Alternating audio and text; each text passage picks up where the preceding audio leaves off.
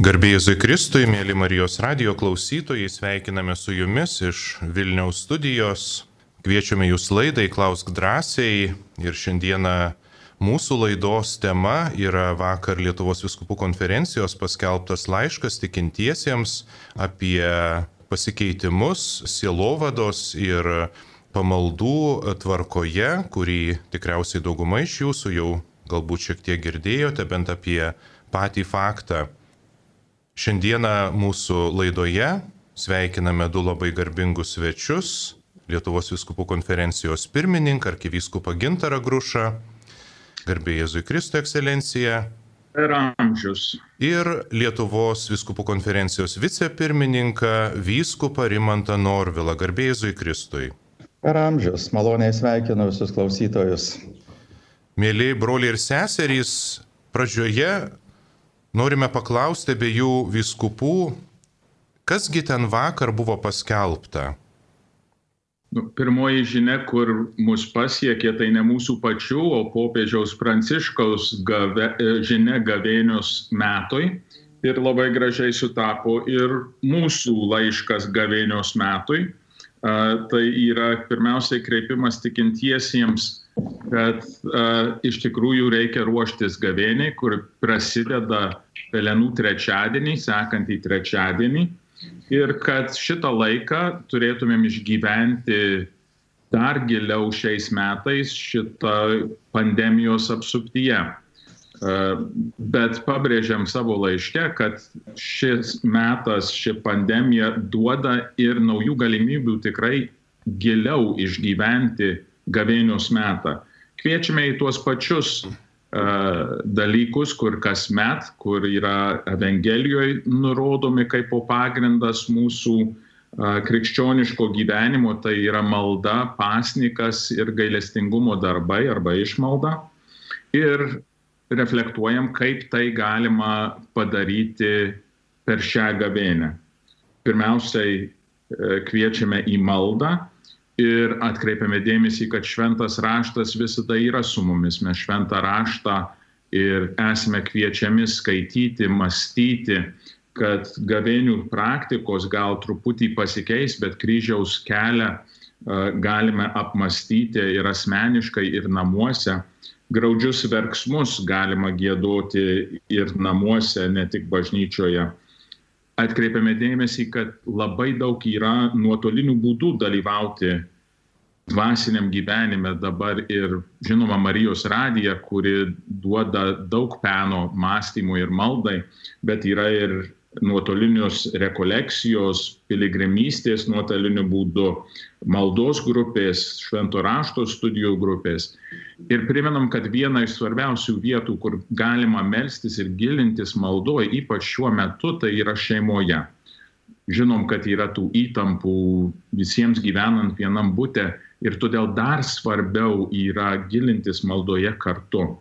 Antra sritis, kurios mes pabrėžėm, tai yra gailestingumo darbai.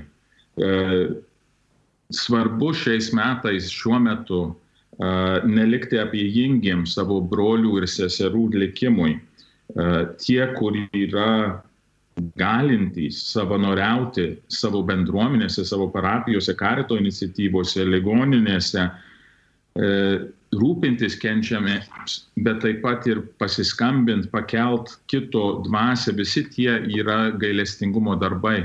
Pasidžiaugiam taip pat, kad uh, dar kartą pasidžiaugiam uh, ir dėkojam visiems, kur iki šiol tokius gailestingumo darbus daro pandemijos akivaizdoje, mūsų gydytojams, slaugytojams, medicinos sistemos darbuotojams, savanoriams, mūsų kunigams, vienuolėms ir vienuoliams, kurie nelieka abejingi, bet ištiesia pagalbos ranką, gerą žodį kitiems. Ir tada tą trečią e, pagrindą mūsų gavėnios meto, tai pasniko dvasia.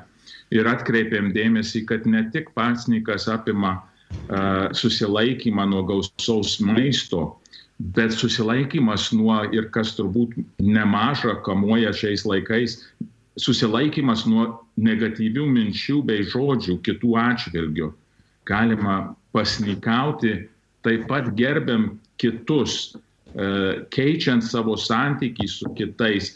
Ir tai apima visus tuos dalykus, į kuriuos esame kviečiami pandemijos akivaizdoje, prie kurių esame pripratę - kaukių dėvėjimą, desinfekaciją rankų, viską, ką mes darom, kad apsaugot kitus, ne tik save, nuo to uh, užsikrėtimo.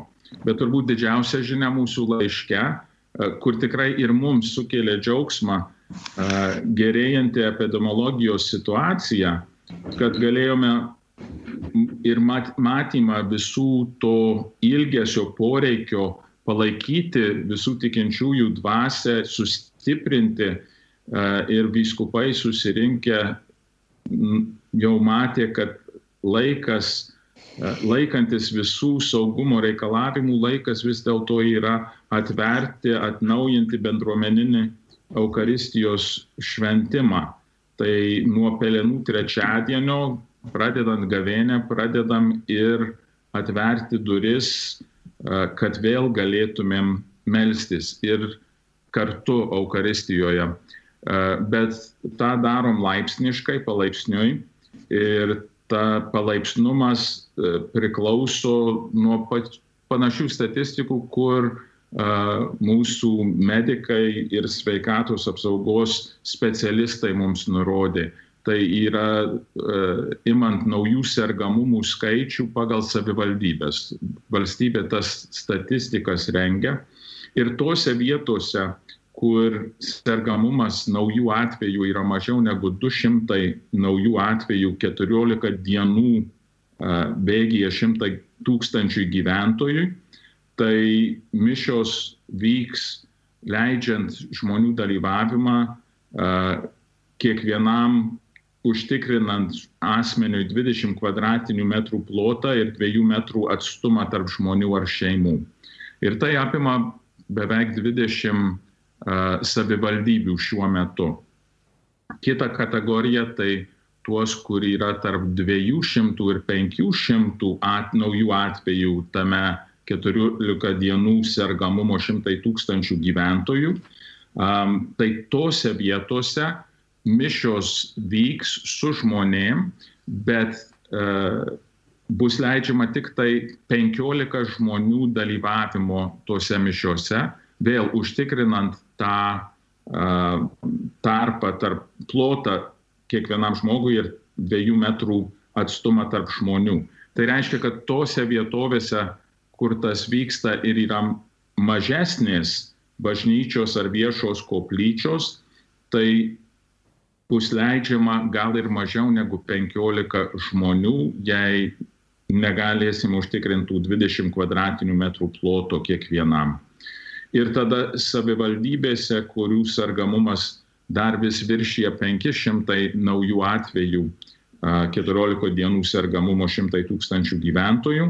Ir tokių savivaldybių yra šiuo metu keturios, tai tose savivaldybėse kol kas nevyks šventos mišios, jos net naujinamos žmonėm, įskyrus kaip iki šiol ir buvo laidotuvių atveju, kur bus galima dalyvauti su dešimt žmonių, palydint mirusį ir besimeldžiant už mirusį.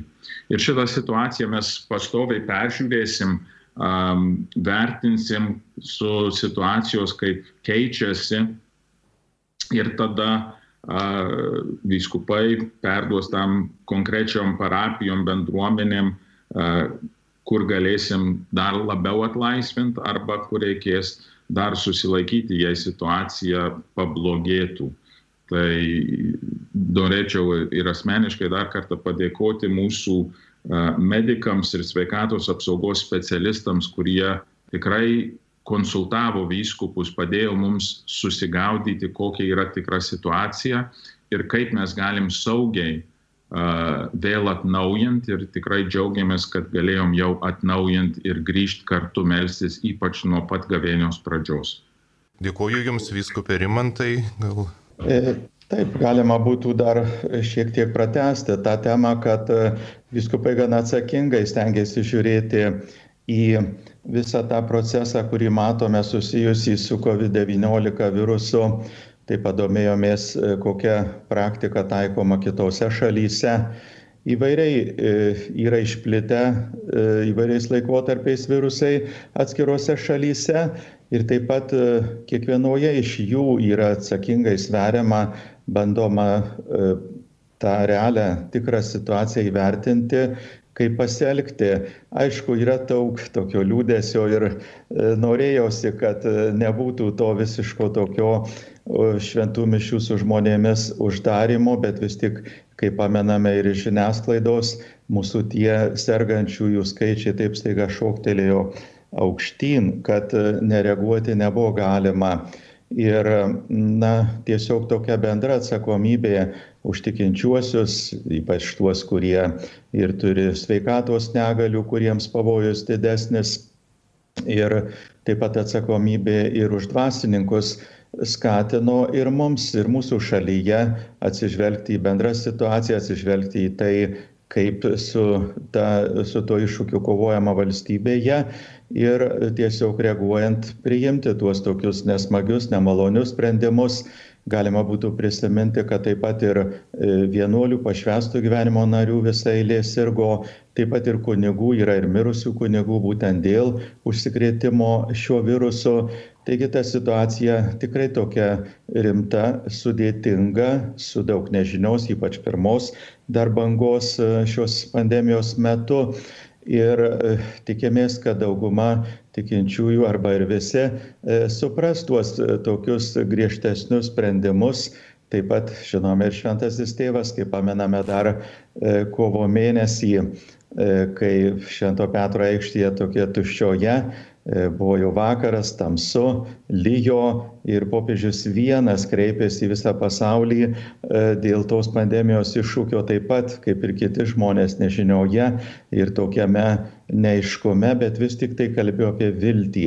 Tad e, ir toje nežinioje bei tam tikruose apribojimuose norisi labai akcentuoti viltį aš pats asmeniškai e, linkęs kartais pasižvalgyti internete, kadangi tų galimybių yra daug e, dabar į įvairias šalis nukeliauti visai neskrendant ir tai nieko nekainuoja, tiesiog interneto pagalba. Domėjausi eilėje pasaulio šalių, e, kur kaip tvarkomasi su pandemija, sakykime, ar tai būtų Japonija, ar Pietų Koreja, Junktinės Amerikos valstijos, Kanada, taip pat čia artimesnės šalys, Lenkijoje turbūt ypatingai, dar tuo labiau gyvenant Marijampolėje turim daugybę Lenkijos televizijos programų, nesunku sekti, kalbą pakankamai gerai moku. Tai iš tikrųjų visur e, tas e, ir sutrikimas, ir ribojimai, ir atsakomybė matėsi visose šalyse ir šiuo metu išlieka. Kai kuriuose šalyse teko matyti, net esant labai mažam susirgymų skaičiui, jau tos priemonės buvo tokios gana, gana jau, sakytume, reiklios ir griežtos apriboti viruso plitimą.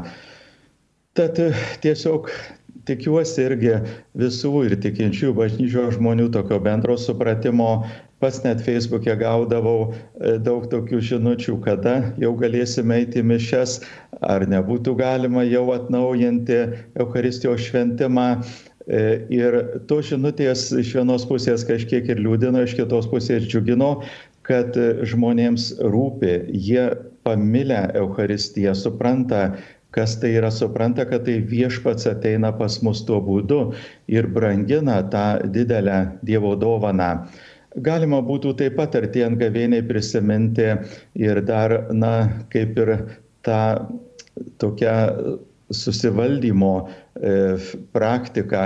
Yra vienuolyjų, kurios taip pat ne kasdien turi Euharistiją, Euharistijos šventimą ir kartais pasitraukia į dykumą, kada jau nėra net mišių, kai tas santykis su Dievu kitų būdų formuojamas Yra daugiau tų būdų, kurie leidžia su viešpačiu mums susitikti, bet be abejo, Euharistija yra ta dangiška duona, tas ypatingas maistas, kuris mus labiausiai stiprina ir maitina vidiniai kaip žmogų, kuris yra pašauktas amžinajam gyvenimui, brandina tam amžinajam gyvenimui. Tad ilgas pasninkas, pasninkas šioje srityje, aišku, jau nepageidautinas, o kai jis kažkiek užtruko, tai irgi buvo galimybė geriau įvertinti, kokia tai yra brangi, svarbi ir mums ypatingai didelė Dievo dovana gavėnios metu linkiu, kurie dar neturės galimybės taip pat dalyvauti Euharistijos šventime, bet to norėtų, o kartais tą sutrukdo ir sveikata, amžius, negale. Taip pat linkiu nepamiršti ir dvasinės komunijos, kuri paprastai ir per transliacijas buvo praktikuojama.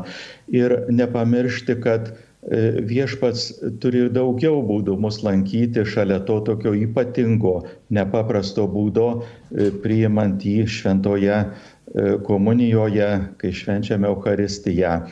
Taigi ačiū visiems už supratimą, įsiklausimą. Viešpas jūs visus te laimina, te stiprina ir padeda ištverti šį nelengvą laiką su viltimi. Primename mūsų klausytojams, kad Klausomės e, laidos Klausk drąsiai, tai yra tiesioginė laida ir mėly klausytojai galite taip pat užduoti mums klausimus, skambindami telefonu 837 32 3230. Pakartosiu 837 32 3230 arba atsiusdami mums savo klausimą trumpąją žinutę telefonu 8650 49 107. 8 650 49 107. Ir laidą vedu aš, kunigas Kestutis Milgevičius, Lietuvos viskupų konferencijos generalinis sekretorius. Kalbame su Lietuvos viskupų konferencijos vadovais apie vakar Lietuvos viskupų paskelbtą laišką tikintiesiems. E, jau buvo užsiminta apie e, gavėnios pradžią, apie pandemijos e, tikrovę visame pasaulyje, taip pat ir mūsų šalyje. Ir e, tie iš jūsų, mėly klausytojai, kurie seka žinias, kurie skaito informacinius portalus, e, savo parapijų svetainės, jau tikriausiai pastebėjote, kad šis Lietuvos viskupų laiškas jau be abejo nėra pirmas pandemijos metu. Ir šiame, kuris buvo paskelbtas vakar, raktinis žodis, skiriantis jį nuo kitų laiškų, e, nuo kitų laiškų yra palaipsniui, laipsniškai. Norėčiau paklausti gerbiamų Lietuvos viskupų konferencijos vadovų, kodėl yra ši tokia nauja savoka, jau prieš tai buvusiame laiške buvo pažadėta, kad e, tvarka bus keičiama palaipsniui, kad sugrįšime į bendruomeninę maldą palaipsniui, laipsniškai, kodėl ji buvo įvesta. Čia šitą mes matome ir kad e, ir mūsų valstybėje, ir kitose valstybėse. Todėl, kad su pandemija mes nežinom, kur lyg dalykai gali pasisukti. E, matome, kad yra naujų virusų atkraipų, kad šito virusas pats keičiasi, mutuojasi ir matėm, kaip ir pas mus, bet ir dar aiškiau kituose kraštuose einam žings, du žingsnius į priekį, vieną žingsnį atgal. Ir žinom, kaip tai yra sunku, kai atidarom, užsidarom, ar tai būtų pamaldos, mokyklos, parduotuvės, tai tikimasi, kad šitokia žingsnis po žingsnio palaipsnumo praktika leis, kad nereikėtų taip drastiškai keisti. O antras dalykas yra tas drastiškas atidarimas turi savo ir pasiekmes. Airijoje vyskupų konferencija nusprendė prieš pat Kalėdas atidaryti bažnyčias Kalėdoms, kad žmonės galėtų um, kartu švęsti dviem dienom. O pasiekmė, todėl kad jie kaip ir gerėjo, gerėjo, gerėjo ir atrodė, kad viskas gerai, dviem dienom atidarė su visom apsaugom ir taip šoktelėjo skaičius, kad Airijos vyskupai turėjo nuspręsti irgi, kad pas juos visiškai mišių nebus ir tas nebuvimas, tai man atrodo, gal net dar ilgiau negu pas mus.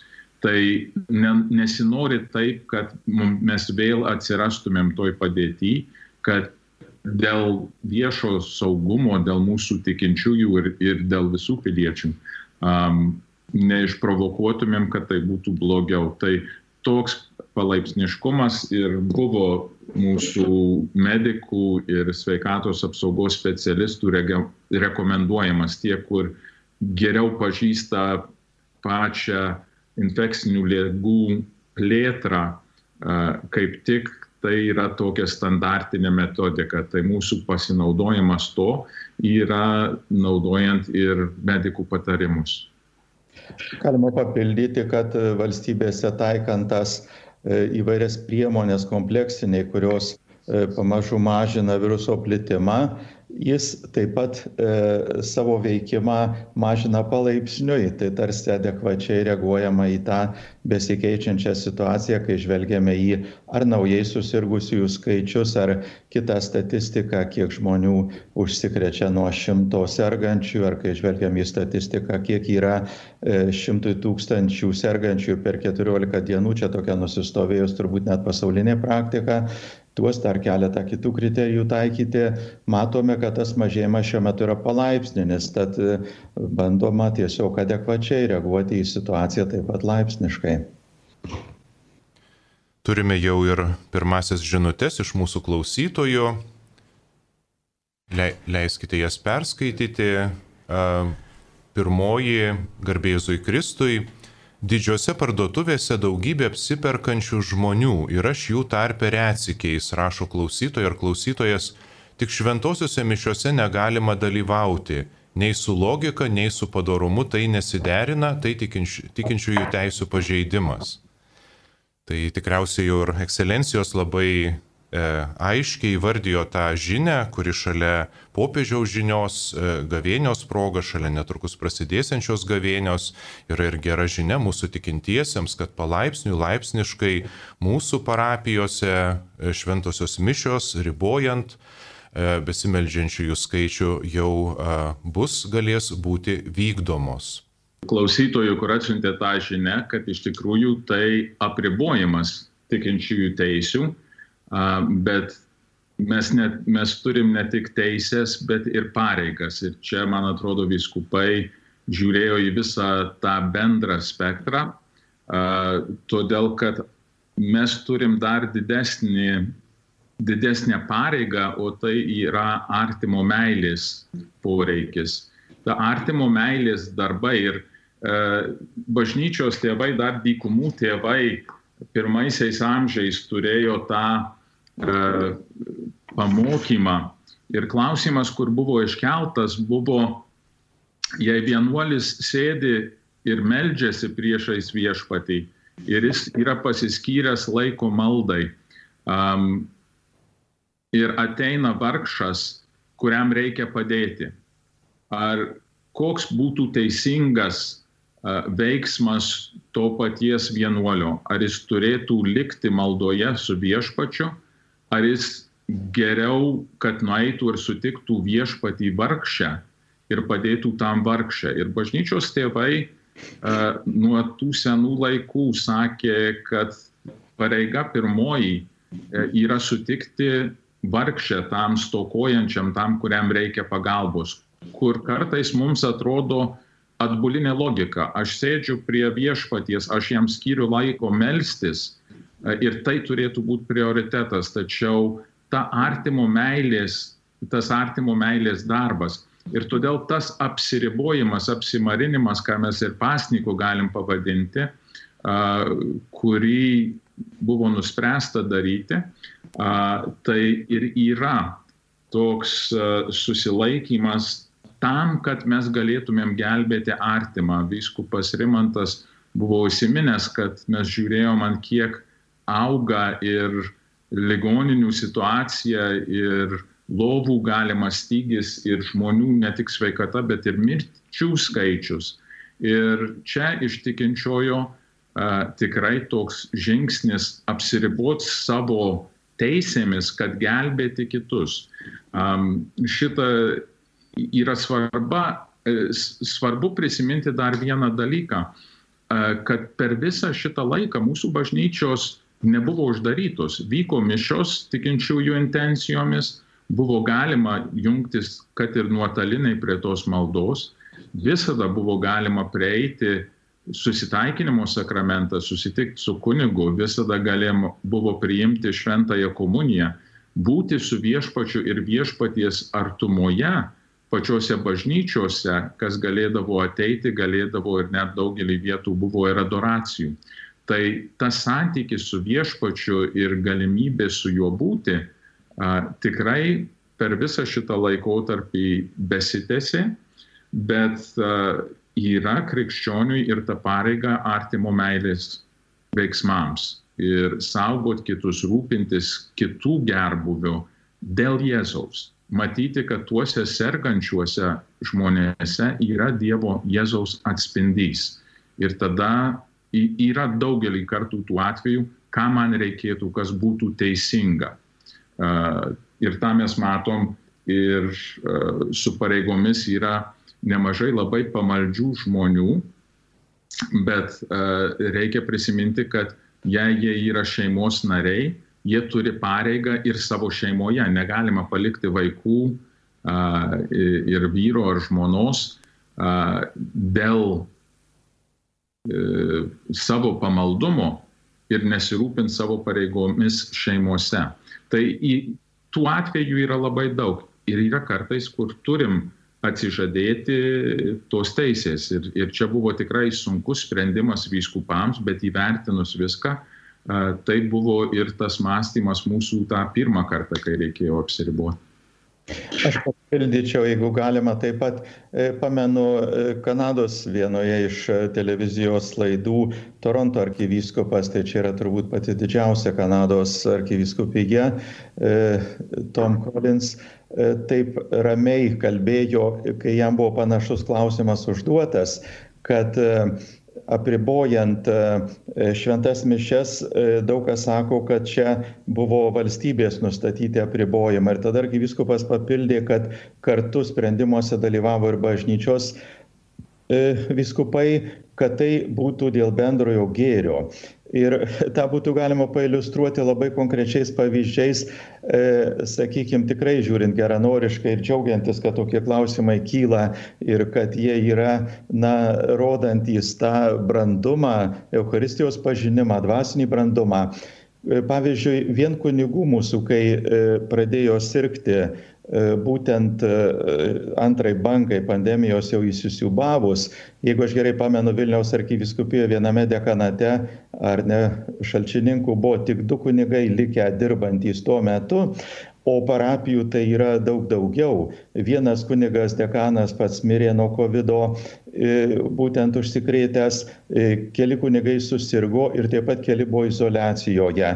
E, šiek tiek lengvesnė situacija, pamenu, buvo mūsų viskupijoje, Vilkaviškio viskupijoje, taip pat Zukijoje, kai keli kaimynai kunigai sirgo ir taip pat dar buvo kai kurie izolacijoje ir nebūtų jau buvę kam mišaukoti, nebūtų kam patarnauti. Taigi e, tas bendras bažnyčios gėris susideda iš daug tokių elementų, bet, sakykime, dvasininkai kurie, kurių taip pat negalime siūsti į ugnį taip, kad jie žūtų ir jie stipriai nukentėjo ir kiek čia bandėme žiūrėti, ko gero iš bendro gyventojų skaičiaus, bent kaip mes skaičiavome savo viskupiją, ko gero didesnis procentas kunigų buvo susirgusių tą lygą, keletas labai labai sunkiai sirgo. O kai tik prasidėjo karantinas, neužsikrėtė daugiau nei vienas kunigas. Taigi tas ženklas irgi mums primena, kad net ir dvasininkus turime, kai jų skaičius netoks ir didelis ir pašaukimų tiek mažai, taip pat matyti ir jų kančią matyti. Štai mūsų viskupijos vienas iš kunigų e, vien reanimacijoje prabuvo beveik tris savaitės ir atrodė jau ta viltis tikrai mažai išgyventi. Ir paskiau galiausiai pamažu, pamažu, pamažu daugą melžiantis, galbūt ir iš viešpaties malonės susveiko, bet e, jau prabėgus E, daugiau nei dviem mėnesiam, dar jis nepajėgia išeiti į lauką, o jo amžius visiškai nėra koks nors dar 105 e, ar 85 metai. Taigi net ir tas aspektas kad mes galim likti be kunigų e, ir tikrai turim atsižvelgti į tą bendrą bažnytinį gėrį kad jie taip pat žmonės kad jie taip pat serga jeigu tą tarnystę atlieka e, pilnai be apribojimų ir tada galėtume sakyti tiesiog krenta kaip lapai rudenį. Čia irgi turim turėti tam tikro tokio supratimo geranoriškumo ir tokios bendros atsakomybės. O tas bendras gėris be abejo kaip minėjau daugiaaspektis ir tų pačių žmonių kurie eina į bažnyčią jų e, kai kurių na tiesiog smagu girdėti kad neįmanoma sustabdyti kaip jie nori dalyvauti eucharistijos šventime e, bet vis tik tai ir jų e, liga jų kančia yra tam tikras iššūkis, į kurį negalim žiūrėti abejingai. Žinoma, tikinčiam žmogui tas susitaikymas keliauti pas viešpatį, jeigu gyvenimas buvo E, lydėtas tvirto tikėjimo ir gerų darbų ir, ir Dievo pažinimo ir Dievo artimo meilės, tada kažkaip yra ta viltis visai kitokia. Bet e, kaip ten bebūtų ir čia reikia savo misiją atlikti dar iki galo žemėje, ką viešpas mums skyrė ir nepabėgti nelaiku taigi daug tų aspektų ir tiesiog norėtųsi kviesti tokiam geranoriškam požiūriui ne tik žvelgiant į teisių pažeidimą ne tik žvelgiant kaip į apribojimą bet su viltimi žvelgiant į tą e, ateitį kuri tikriausiai tą mūsų bendrąjį gėrį e, stiprins ir ir galėsime vėl toliau e, džiaugtis ir eucharistijos šventimu bendrai ir bažnyčiose giedojimu ir daugeliu daugeliu viešpaties mums teikiamų dovanų būtent jau jo bažnyčioje ir dievo namuose kai mes vadiname jau bažnyčios pastatą sakramentinės malonės ir šventoji liturgija kuri kartu mus suvienija ir dar kartą pasikartočiau kad tam tikras pasninkas tam tikras susilaikymas net ir labai geruose dalykuose padeda juos labiau įvertinti koks tai didelis gėris mums.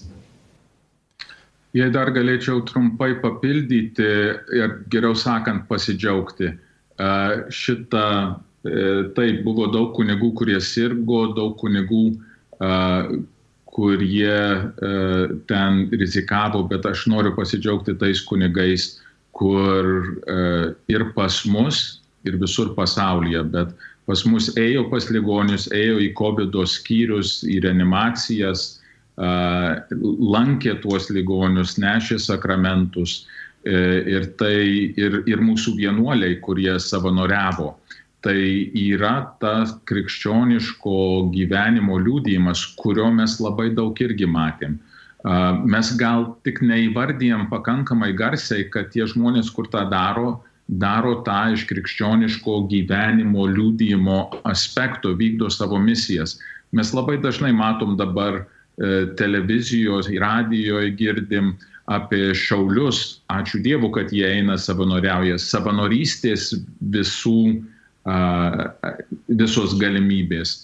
Kažkiek apie mūsų karito savanorius girdime, bet tai yra atspindys mūsų tikėjimo ir mūsų krikščioniško gyvenimo. Tai aš labai noriu padėkoti tiek mūsų kunigams, kur tikrai pirmose linijose su mūsų gydytojais, medikais ir ligoniais ir taip pat padėkoti ir visiems savanoriams, kur šiuo metu eina ir padeda vieni kitiems. Jau mūsų laukia klausytojas, kuris skambina. E, taip mums paskambino Julius. E, prašom, Juliau, trumpai užduokit savo klausimą. Puiku, garbėsiu Kristai. Per amžius. E, mano klausimas būtų toks pasidžiaugimas. Internete, Facebook'e yra pilna informacijos, kada kokiose bažnyčiose e, kasdien aukojamos mišios. Tai iš vienos, iš kitos koplyčios. Na, jau nepaslaptis, kad tai šiaip ar taip yra tik tai daliai tikinčiųjų skirta žinia, nes tai yra, na, būkim bėdini, bet teisingai yra e, Romos ryto dvi formos - ordinarinė ir ekstraordinarinė. Ir uh, daliai tikinčiųjų akivaizdu yra tas irgi toks širdagraužis, kad mišios ekstraordinarinė forma nėra aukojamos kasdieną viešai, ir juo labiau netransliuojamos. Gal viskupai matytų prasme, jeigu ne kasdieną, tai bent, na, savo viskupijose kas sekmadienį paprašyti kunigų kad aukotų mišes ekstraordinarinė forma ir tas mišes transliuotų internetu. Ačiū. Na, aš gal tada trumpai sureaguočiau. Gerai, aš paprašysiu mūsų vieną kunigarūną, kuris taip pat tą liturgiją myli ir e, nežinau, kiek techniškai jam bus lengva tai įgyvendinti, bet aš tada tiesiog va ir šiandien pasiskambinsiu telefonu ir pasikalbėsiu, ar tokia galimybė jisai, na, tokią galimybę mato, ar jis galėtų techniškai tą įgyvendinti.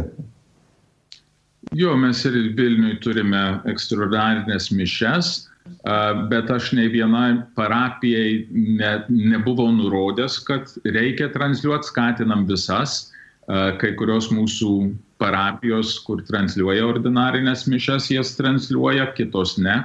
Tai galėsiu pasitairauti ir aš, kokią praktiką pas mus Šventos Sūnos bažnyčia. Jau turime labai daug trumpųjų žinučių, kurias mums atsiuntė klausytojos ir klausytojai. Ir vieną norėčiau užduoti abiems viskupams. E, rašoma, ar sekmadienio šventosios mišos užsiskaitys, jei jas klausysiu namuose per Marijos radiją nuo vasario 17 dienos?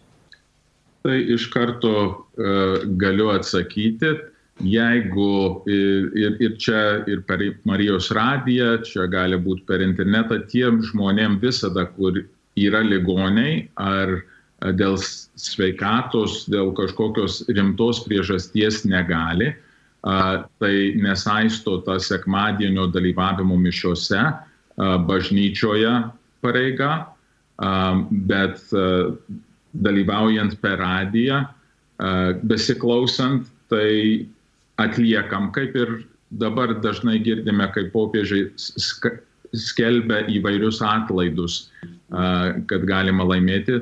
Tai visada yra antra dalis dėl senatvės, dėl lygos, dėl kitos rimtos priežasties, jei tą atliekame namuose, tai galim ir tokiu būdu laimėti atlaidus. Tai taip pat ir šventos mišios, suprantame, kad yra labai daug rimtų priežasčių dabar, jei žmogus um, jaučiasi, kad yra jos sveikatai uh, gali kilti pavojus, jei dėl pandemijos apsaugos uh, lieka namuose. Uh, tai taip žinoma, uh, tos mišios sekmadienio pareiga yra išpildyta besiklausant tos radijos. Uh, iš kitos pusės, ten manau, kad ir vėliau reikia prisiminti, kad tai negali būti tik tai,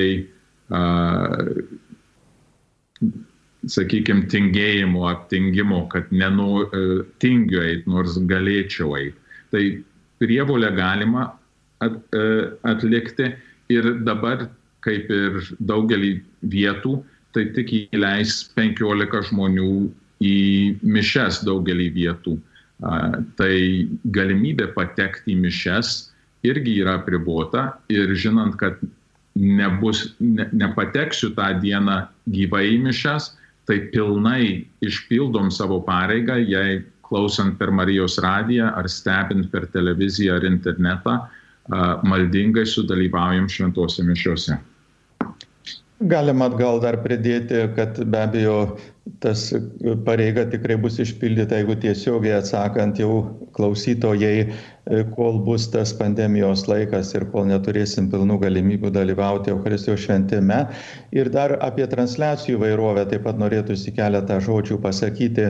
Marijos radijas yra gana mobilus ir iš įvairių vietų, taip pat ir mūsų garsiausių šventovių, e, kaip ir šiandien iš Šiluvos bus 13, kaip ir kiekvieno mėnesio dieną transliacija, turi galimybę e, tą perduoti ir Dievo žodį, ir šventosios liturgijos visą šventimo, bent jau garsą taip pat yra įvairių e, Facebook'o transliacijų, gal kartais gali būti su sava parapija artimas ryšys, bent kartais naudingesnis.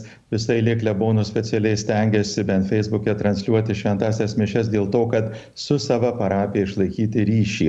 Taip pat e, norėtųsi dar išskirti Lietuvos televizijos transliaciją sekmadieniais 12 val. 30 min kur yra labai kruopščiai paruošiama liturgija, Dievo žodis, kur yra ir iš valstybės pusės duodama ta galimybė tikintiesiems pandemijos metu dalyvauti labai kokybiškoje transliacijoje, kur ir garsas, ir vaizdas su keliomis kameromis ir gera įgarsinimo kokybė.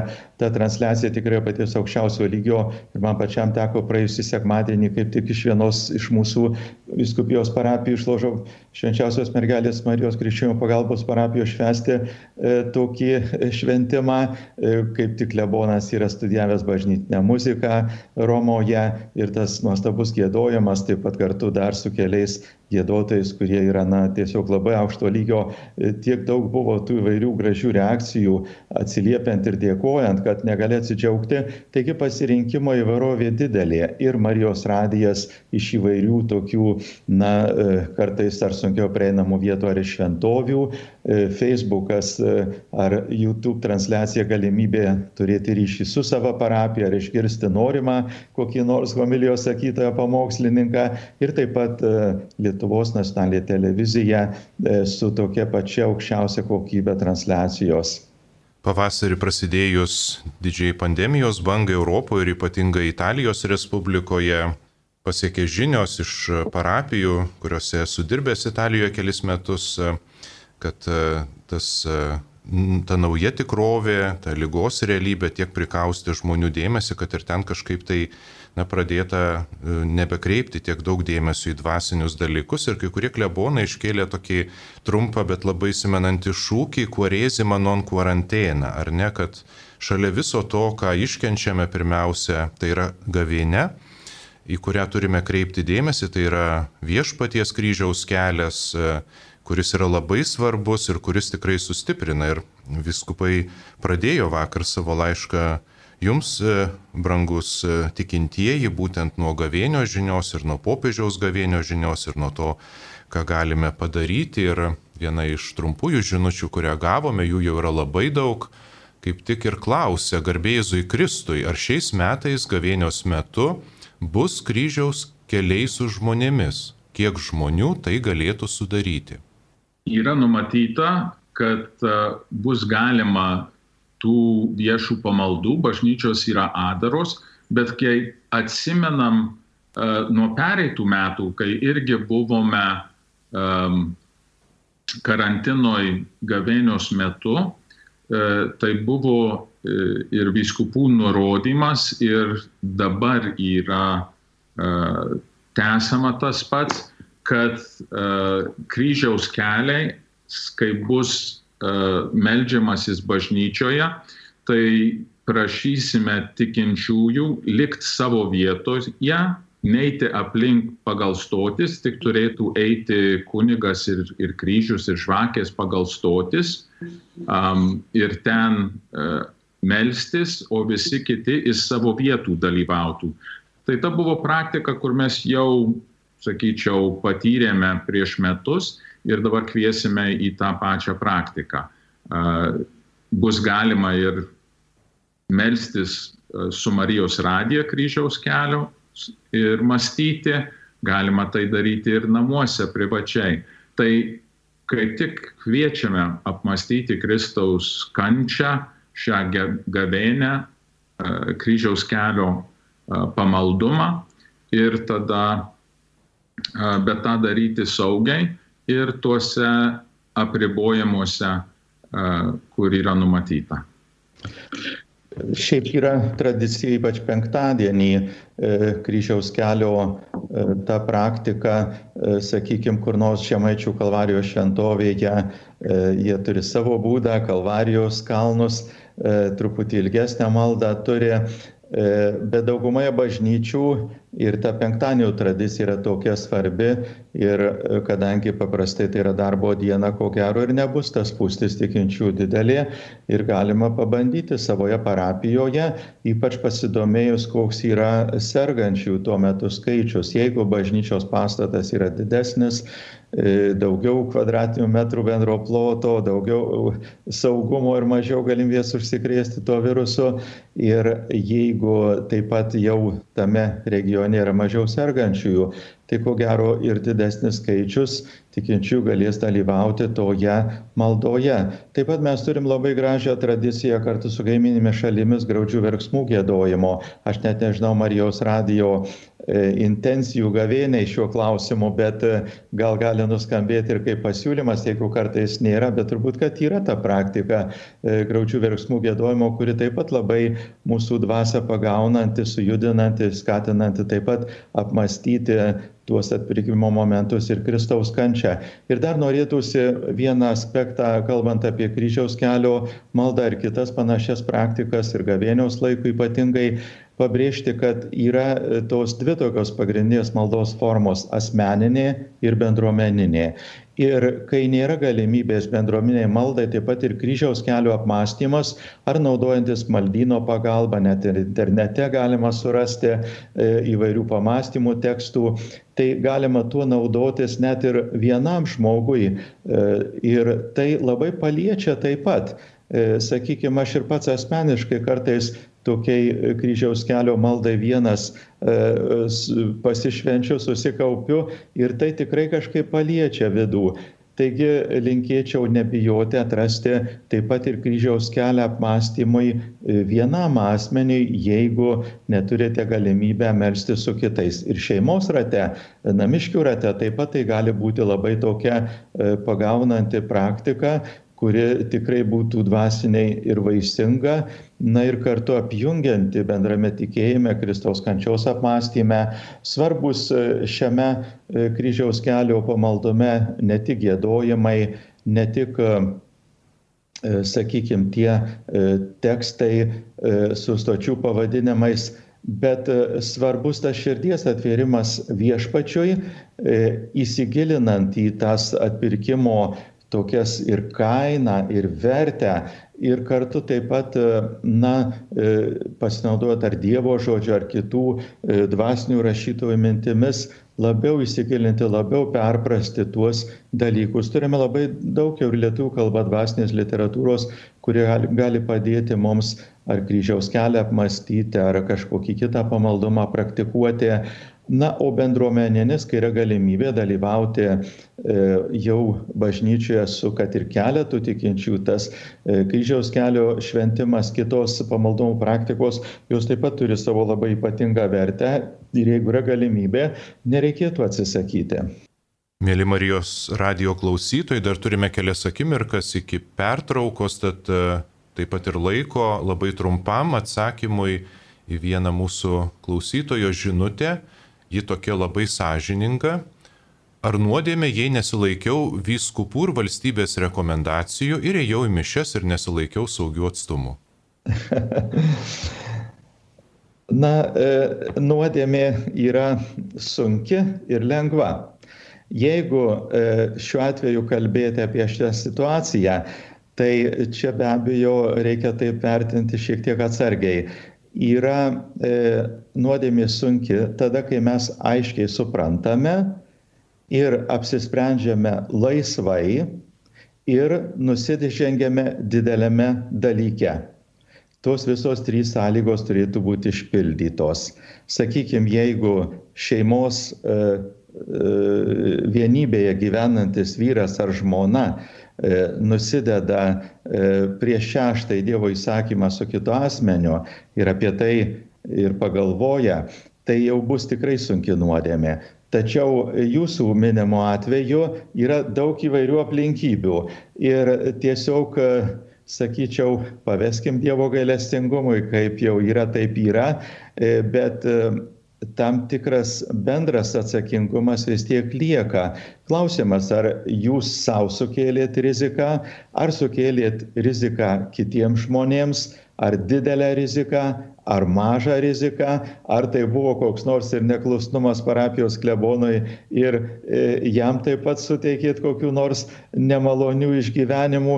Čia mato tiek daug niuansų, kad e, taip įvertinti staiga e, pasakyti, taip, jūs esat labai didelė nusidėlė arba jūs nieko blogo nepadarėt, yra truputį truputį sunkiau. Tiesiog tai jau lieka jūsų asmeniam supratimui ir vertinimui ir, sakyčiau, kita vertus, na, gal būkim gailestingi ir žiūrėkim, kad jūsų intencija vis tiek tikriausiai buvo tikrai tokia gera susitikti su viešpačiu šventuose sakramentuose, tai tada tuo atveju gal, na, kažkaip yra ir tas meilės aspektas E, žinot, kaip yra Senojo testamento ir Naujojo testamento sandūra, aš čia gal per ilgai kalbu, tai e, auka, ji, na, kaip sakyt, veda į tą e, Senojo testamento mąstymą gyventi pagal įstatymą, o kaip paštalas Paulius sako, meilė uždengia nuodėmės. Tai tiesiog paveskite jau viešpaties gailestingumui, manau, tą e, situaciją, tą dalyką ir tiesiog žiūrėkit, kaip gyventi toliau. Tad e, skelbėme pertrauką, mėly radio klausytojai, nepalikite radio imtuvų už kelių minučių vėl kalbėsimės su jumis.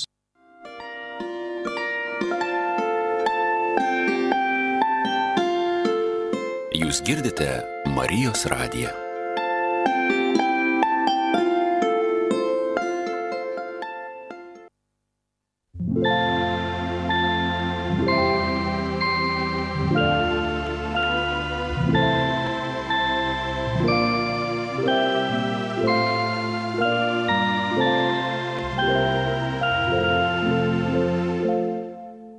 Vatikano radio žinios trumpai.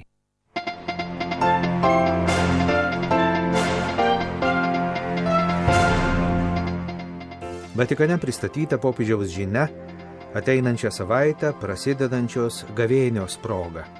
Vatikano radijui vasario 12-ąją sukako 90 metų. Popiežiaus sveikinimas kardinolo valstybės sekretoriaus aukotos mišios. Popiežiaus audiencija tarptautinių santykių ekspertams prieš 600 metų sukurtas paramos šventajai žemiai tinklas Šventojo tėvo sveikinimas. Paskirti nauji popiežiškosios gyvybės akademijos nariai. Lurde be žmonių ketvirtadienį išvesta pasaulinė ligonių diena. Lietuvoje nuo gavėnios pradžios bus švelninami pamaldų su žmonėmis apribojimai. Tu es grand Dieu saint, loué soit ton nom, tu es grand Dieu fort nous célébrons Dieu de tendresse, ta miséricorde et ton amour, tu es grand Dieu. Pokalbių laida Klausk drąsiai.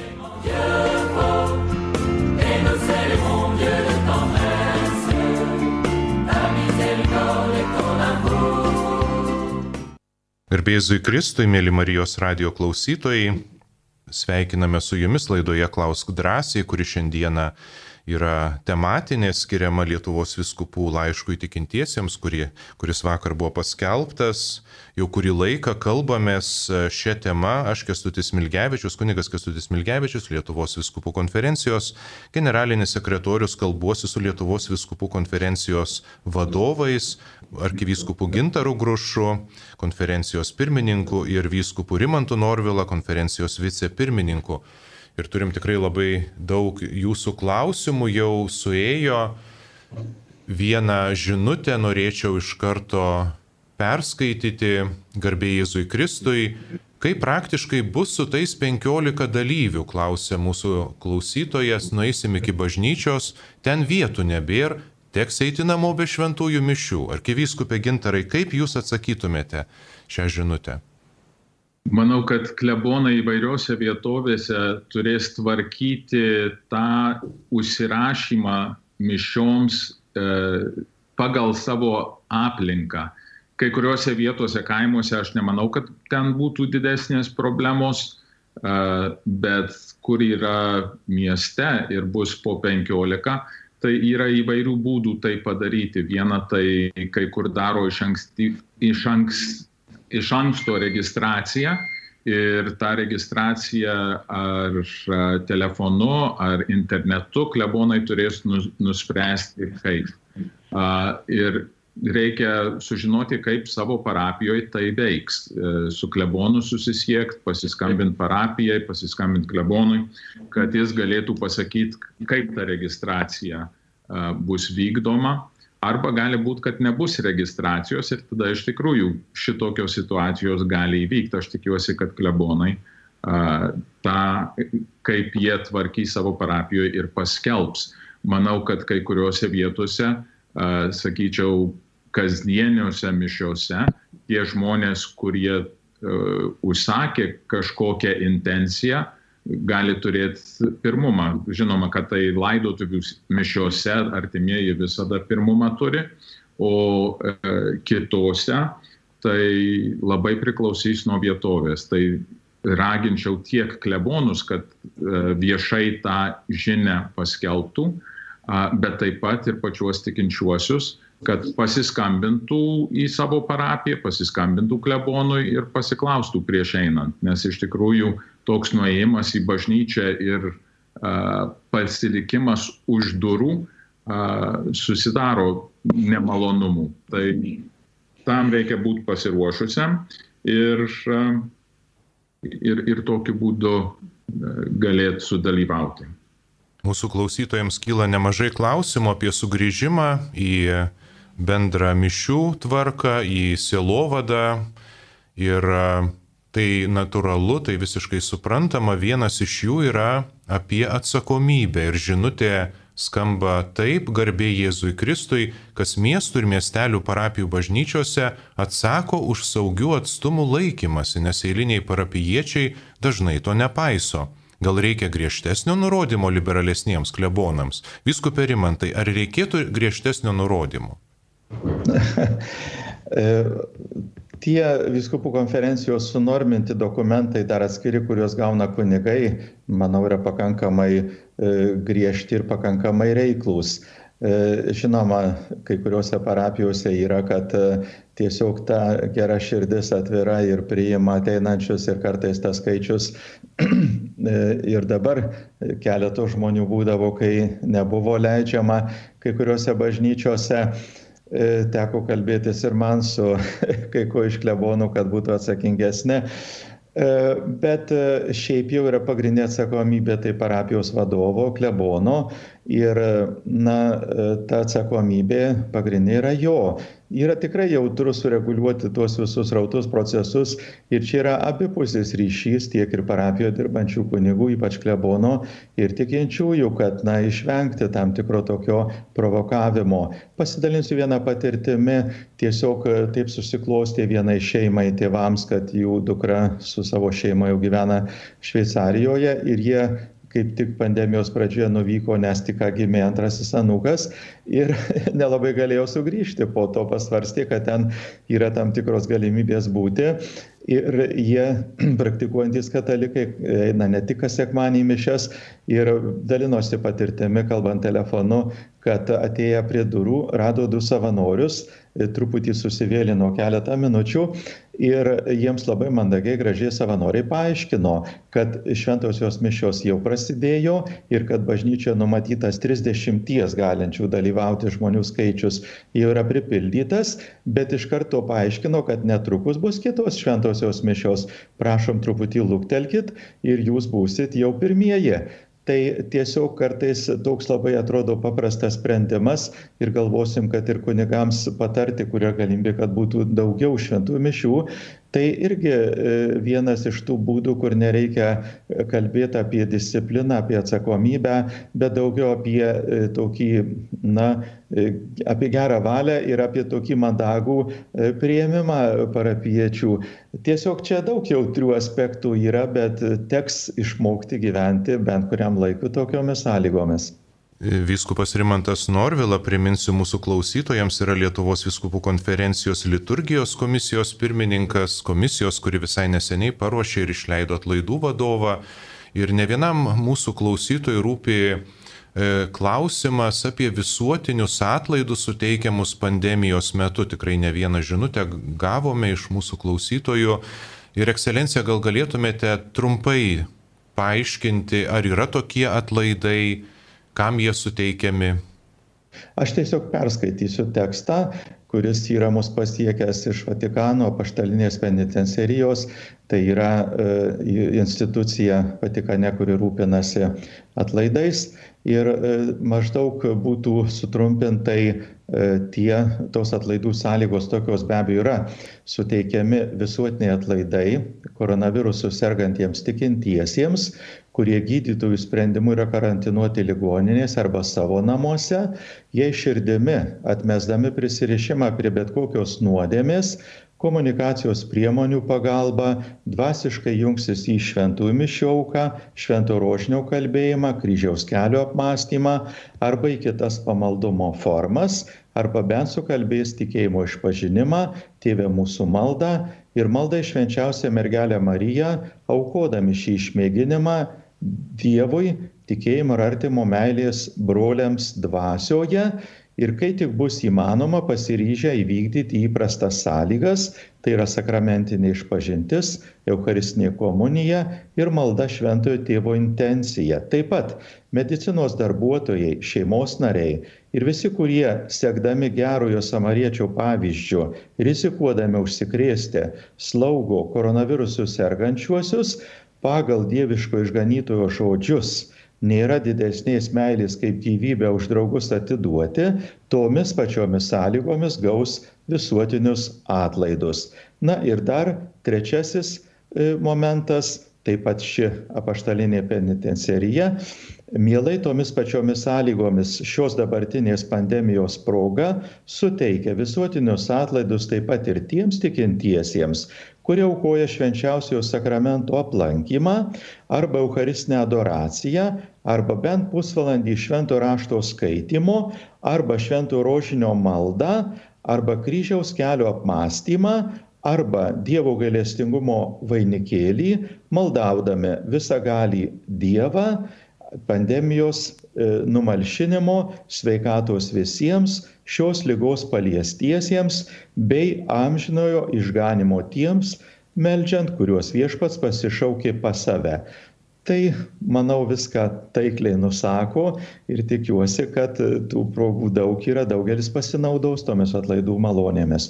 Dar galima priminti, kad kunigai bažnyčiose priima, e, norint susitaikinimo, norint atlikti išpažinti, taip sakant kitais žodžiais. Ir taip pat ta proga gali suteikti ir šventąją komuniją, e, pageidautina susitarti iš anksto, kad kartais nebūtų kur nors kunigas į laidotuvės išvykęs ir kad surastumėt nereiktų du kartus kreiptis. Pone Zita iš Šilutės rajono klausė, garbė Kristui, pagal statistikos departamento duomenis yra daugiau nei keturios savivaldybės, kuriuose susirgymas vaizduojamas D scenarijumi juodos spalvos, pavyzdžiui, tauragė. Ar galite patikslinti, ar tauragėje, šilutėje, pagėgiuose mišios galės vykti nuo trečiadienio, kiek žinoma, kai kuriuose vyko ir dabar su žmonėmis. Ekscelencija Gintarai, kaip yra su tais scenarijais ir laipsniais? Šiuo metu tai tauragiai tikrai galės būti mišios tauragės situacija tikrai nėra tokia bloga. Jei žiūrim į sergamumo skaičių, tai šiuo metu yra 231. Uh, tai jau beveik artėja, kada ten bus galima uh, žmonės pagal grinai kvadratūrą. Kol kas atrodo, jei šitaip liks, tai tauragė pradės uh, pelenų dieną galėdama 15 žmonių turėti kiekvienose mišiuose, jau nebe pagal kvadratūrą. Kai tas skaičius žemiau 200 tų naujų atvejų 14 dienų slenkančiam grafikę, tai, tai tada atsidaro dar plačiau. Bet kėdainiui tada dėl šilutės, šilutėj tai yra kol kas dar sunkesnė padėtis, ten yra virš 400, tai dar Šilutės rajone negal, atsiprašau, galės, yra mažiau mes mūsų nuo 500. Tai žiūriu dabar šiandienos skaičiuose, tai liko tik tai trys savivaldybės, kuriuose negalės, šiuo metu negalėtų iš viso aukoti mišių su žmonėmis, tai yra Rokiškio, Visagino ir Biržų. Tai tuose trijose savivaldybėse nebūtų mišių šiuo metu, nuo pelenų trečiadienio, o kitose, kitose jau yra mažiau 200. Galėčiau net išvardinti tenai, ką mes šiandien turim šiai dienai mažiau negu to 200 skaičių.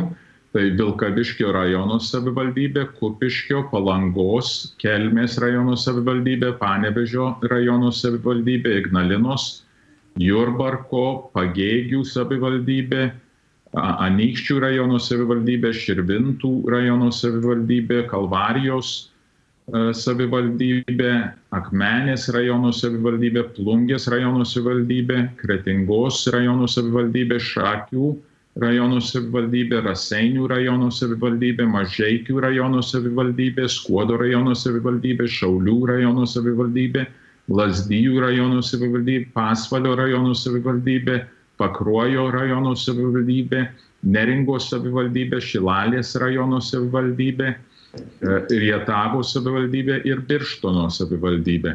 Tai kaip matom, labai daug kur nuo um, trečiadienio tikrai atsidarys uh, mišios ir ten tose savivaldybėse, kur išvardėjau, galės jau dalyvauti pagal telpamą kvadratūrą, užtikrinant 20 kvadratinių metrų kiekvienam asmeniui ir 2 metrų atstumo tarp žmonių ar šeimų. Tai iš tikrųjų skaičiai jau atrodo kasdien gerėja, duok dievę, kad tendencija ir toliau būtų tokia. Dėkojame ir iš karto norėčiau tą klausimą papildyti, tikriausiai galbūt net ir to paties klausytojo, klausytojos. Ar į tą 15 žmonių skaičių tauragėje įeina šeima kaip vienetas klausimą? Atsakymas yra, kad ne, šeima tuo atžvilgiu nėra vienetas, jiems kaip viena šeima jie gali būti, uh, nereikia laikytis tų dviejų metrų atstumo vienas nuo kito, bet uh, tai nėra 15 šeimų ar namų ūkių, bet 15 asmenų. Tai tokio, tokia prasme tai yra 15 žmonių. Yra ir klausimų apie konkrečius šventųjų mišių aspektus, būtent šito pandemijos laikotarpiu ir norėčiau sugrupuoti net keletą žinučių ir paklausti vyskupo Rimanto, e, kokiu būdu vyskupai rekomenduoja priimti šventąją komuniją šiuo metu štai po e, Pelenų trečiadienio ir vėliau gavėnios metu. Jeigu tai kalba eina apie tą e, sprendimą, kaip koks būdas, tai yra rekomendacija priimti į rankas dėl didesnio saugumo prieš priimant šventąją komuniją pasistengiant dezinfekuoti ir savas rankas, nes tiesiog galėjo būti kažkur prisiliesta prie tam tikrų paviršių, kur gali būti virusų. Medikai tą ypatingai pabrėžia ir mes dėl to pakartojame tas sąlygas. Ir šiuo atveju tiesiog dėl bendro gėrio, dėl bendros tvarkos, sakyčiau, jeigu yra žmonių, kuriems truputį jautru atrodo, kad reikalingas toks, na ir didesnis pagarbumas atsiklaupiant ir priimant šventąją komuniją tiesiai į burną iš kunigo rankų, kuris taip pat dezinfekuot turi rankas prieš dalindamas komuniją, tai tiesiog siūlyčiau šiuo metu vis tik tai, na, priimti tą bažnytinę tvarką, bažnytinę discipliną ir viešpas tikrai bus jums maloningas ir užskaitys tą jūsų gerą valią. Ir kai e, priimsite šventąją komuniją į rankas, dėl to nebus didesnės nepagarbos viešpačiui ar mažiau nebus pagarbos jam ir kartu tiesiog bus mažiau sumaišties, bus visiems akivaizdus liūdėjimas, kad mes vieni kitus gerbėme, vertiname, priimame ir esame atsakingi. Na, taip pat sąlygos šventai komunijai yra malonės stovis.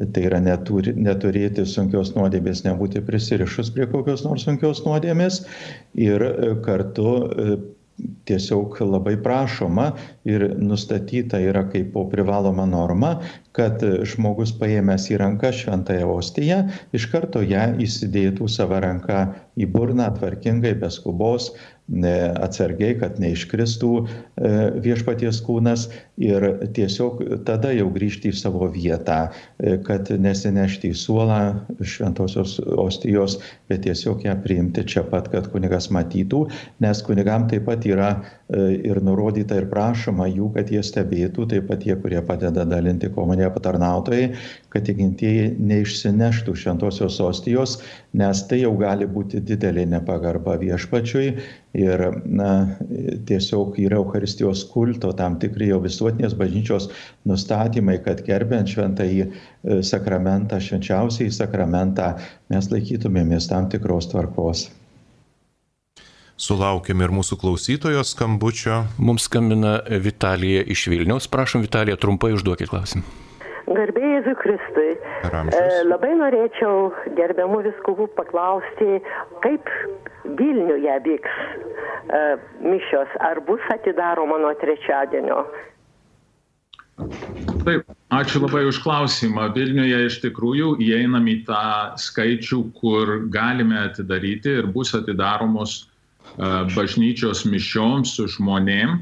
Tačiau Vilniuje turime tą iššūkį, kad mes toj kategorijoje, kur galim priimti tik 15 žmonių kiekvienose uh, mišiose. Uh, klebonai įvairiose vietose ieškos mūsų instrukcijose klebonams uh, tai buvo nurodyta reikalui esant siekti turėti daugiau mišių negu įprastai, jei yra tas antplūdis žmonių, kad galėtumėm aptarnauti, bet jie kiekvienas turės pagal savo bažnyčią, jos turi, jos situaciją. Turim keletą tų viešų koplyčių, kur tikrai netilps tie 15 žmonių, tai kalbu apie gailestingumo šventovę ir apie aušros vartų koplyčią, bet pavyzdžiui, aušros vartuose Teresės bažnyčioje tikrai 15 žmonių kiekvienose mišiuose tilps. Tai čia šita mažesnis kiekis, kol dar pandemijos situacija nėra pagerėjusi ir Vilniaus mieste, ir Vilniaus rajone, tai eisim palaipsniui kvietimas tikrai bus išgyventi gavėnę e, ir pasitikrinkite miestuose, tai beveik visos e, parapijos turi savo Facebookus, savo internetinius puslapius, e, dažniausiai klebonai ten vėliausias žinias informaciją paskelbia ir kaip vyks registracija. Gali būti, kad mieste tai iš tikrųjų reikės kažkokios registracijos, kad žmonės iš anksto susitartų, kuriuose mišiuose jie dalyvaus e, ir, e, ir tokiu būdu. Bet pagal visas nuorodas Vilnius mieste nuo Pelenų trečiadienio tikrai vyks mišios su žmonėm, kad ir ribotų skaičiam žmonių pandemijos metu, kol galioja karantinas, galioja suvaržymai, judėjimo tarp savivaldybių, neišvengiamai ilgą laiko dalį turime praleisti namuose, be abejo yra malda, yra šeimos malda. Bet taip pat gavome įdomų klausimą iš vieno mūsų klausytojo, kurį norėčiau užduoti abiems mūsų viskupams. Sveiki, kokį religinį filmą parekomenduotumėte gavėniai? Ačiū. Aš gal tada iš karto atsakysiu, um, yra, jeigu uh, klausytojai moka anglų kalbą, um, tai yra filmas, uh, bet kol kas paleistas tik tai internete, uh, nemokamai, vadinasi The Chosen, išrinktieji. Tai naujai filmuotas ir pakankamai moderniai pristatoma šventa Evangelija. Tai yra ekumeninis projektas, tai nėra tik tai katalikiškas ir naujų kampų pristato Evangelijos tiesą. Tai nėra pažodžiui į, į nufilmuota pati Evangelija, bet yra šiek tiek interpretacijos ir toks, sakyčiau, mąstymo pasigilinimo į pačių uh, veikėjų, apaštalų, Jėzaus ir, ir jo mokinių uh, gyvenimą. Toks uh, beveik sakyčiau, kad tai kaip yra praktika jėzuitų švento Ignoto, Ignoco pamastymo Evangelijoje, tai pristatoma vos nepermastyta Evangelija. Bet aš kai žiūrėjau, kol kas tai yra aštuoni, e, aštuonios serijos to, bet jie dabar filmuoja antrą dalį tų ir čia testinis projektas, bet pamastymui tikrai galėčiau rekomenduoti. Vadinasi The Chosen, juos konsultavo įdomiausiai katalikų kunigas, protestantų, berots liuteronų pastorius ir žydų rabinas. Tai tokia gražiai ištirta, bet labai gražus filmukas. Tai aš tą tikrai galėčiau parekomenduoti. O aš gal truputį kitą linkmę pasukčiau, kalba eina apie pilnametražius filmus valanda ir daugiau, arba keletos serijų aišku jėzaus gyvenimas jo bendrystė e, su apaštalais yra daug įvairių e, filmų kurie šiek tiek na skirtingai kaip kūrybinė autoriaus išraiška e, pristato tą santykį viešpaties su apaštalais ir misijos pradžią. Man tokie filmai yra patys žaviausi. E, vieną pamenu, tiesiog pavadinimo nepacituosiu, apie Pašlą Petrą iš jo perspektyvos žiūrint, po to Pašlą Paulių. Tai taip pat man tokie palikę įspūdį, bet šiaip aš tiek daug laiko nesurandu žiūrėti pilnametražius filmus, galiu e, pateikti kitą formatą.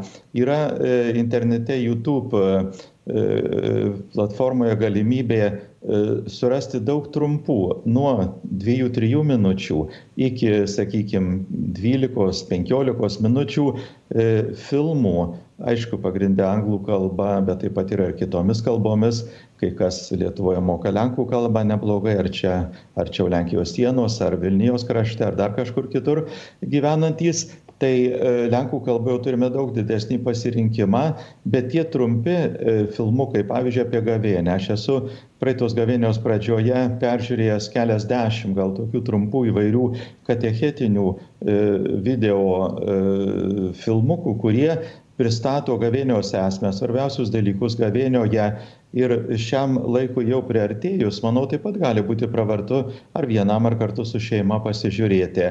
E, gal kam nors netekia taip pat e, Amerikoje gyvenantis e, kuriejas Danielis De Silva, kuris nekartą buvęs Lietuvoje yra sukūręs su grupe savo bendradarbių taip pat apie Dievo galestingumo paveikslą, filmą, kuris yra lietuviškai, kurį galime nesunkiai rasti taip pat YouTube. Ir tai jeigu kas nors nematęs, tai tikrai linkėčiau, kad pažiūrėtumėte ir tiesiog galbūt galima susirasti pagal pavadinimą ar ieškoti kažkokio šventojo, yra visai lė italų kalba apie šventus filmų, žinoma, gal italų kalba ne visiems prieinama, bet vis tik tai galbūt anglų, lenkų kalbos daugiau prieinamos, tai būtų galimybių e, na, ir trumpesnio, trumpesnės trukmės e, filmą pažiūrėti, rasti laiko e, daugiau, kad neskirti tą labai ilgą laikotarpį, bet tiesiog peržiūrėti trumpesnį ir tai būtų taip pat naudinga. Jau skambina mūsų klausytoja, suteikime jam žodį. Skambina Viktorija iš Kairių parapijos. Prašom, Viktorija, trumpai išduokit savo klausimą. Aš tokį, garbėjai Zukrisui, aš tokį klausimėlį. Aš norėjau sužinoti, aš jau seniai nuo dešimt metų melžiuosi ir gėdu chorė, bet dabar norėjau sužinoti tokį, kad parašyta Marijos litanija, kada kalbam, yra krikščionių priebėga.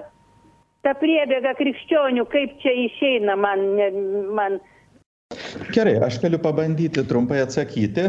E, šventasis tėvas e, popiežius Pranciškus pasiūlė į Marijos litaniją jungti e, tris naujas invokacijas. Mes jau Lietuvoje turėjome gailestingumo motinos invokaciją, o taip pat popiežius šalia šios dar pasiūlė jungti vilties motiną ir mes į lietuvių kalbą išvertėme keliaujančių priebėgą tai truputį platesnė prasmė.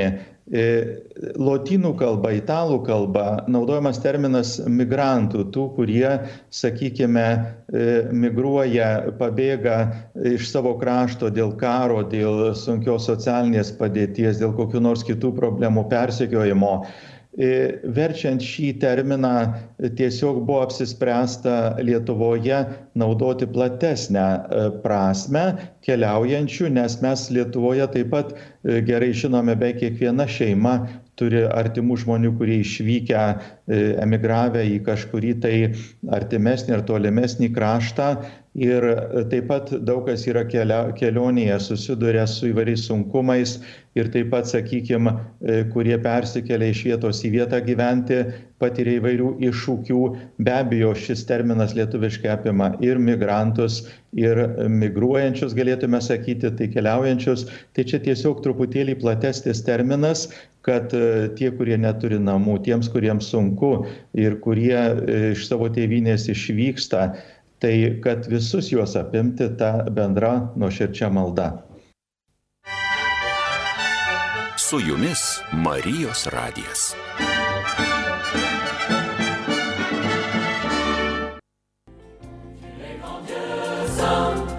Loué soit ton nom, tu es grand Dieu fort, et nous célébrons Dieu de tendresse, ta miséricorde et ton amour, Pokalbių laida Klausk drąsiai.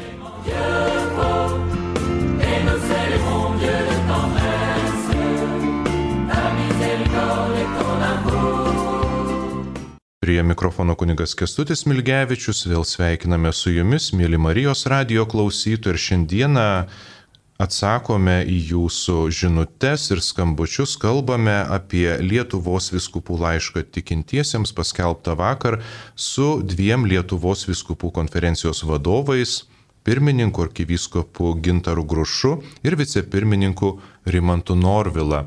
Dėkojame jiems, kad jie atrado laiko būti su mumis ir tiek daug laiko, ar ne. Ir iš karto pereinu prie klausimo, kurį norėčiau užduoti arkiviskupui Gintarui, klausia ponia Ona iš Kauno ir žinutė skamba taip.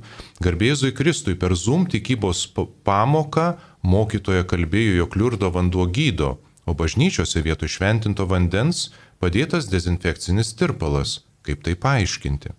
Taip, mėla ponia Ona, e, iš tikrųjų aš irgi pritariu tai kateketai, nes tenka beveik kasmet man važiuoti į Lurdą su kariuomenės ordinariatu, ten yra piligriminė kelionė ir aš kasmet bandau parsivežti kažkiek to paties liurdo vandens, kad turėčiau savo namuose.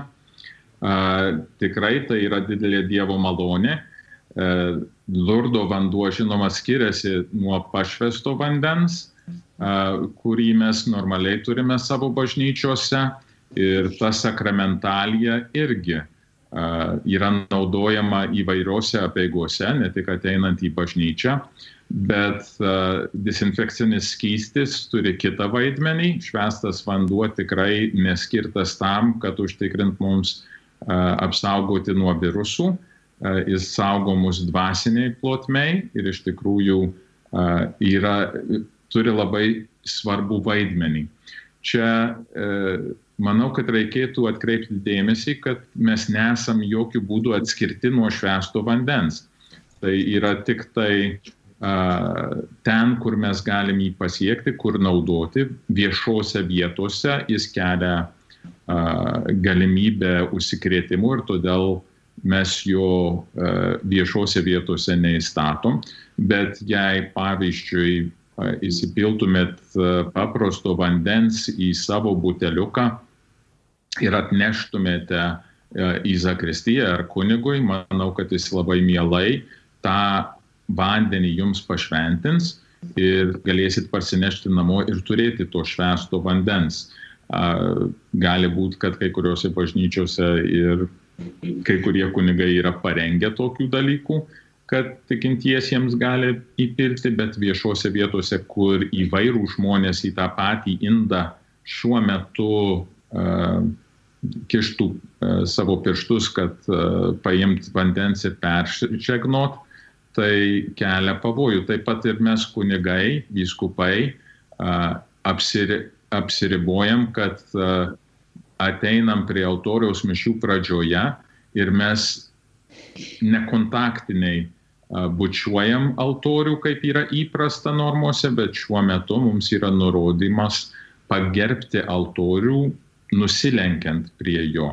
Tai yra tų nuorodų šiam laikotarpiui, kurio laikomasi, bet tai neatskiria mums nuo viešpaties, nei nuo tų sakramentalijų. Tai labai raginu naudotis uh, sakramentalijom, bet uh, nėra ko bijoti, turim ir užtikrinti ir tą saugumą nuo virusų, tai ir nebijoti dezinfekcinio skyščio. Viens kito neapkeičia, nepakeičia, bet viens kitą tikrai papildo mums šiuo metu - kūnui ir sielai.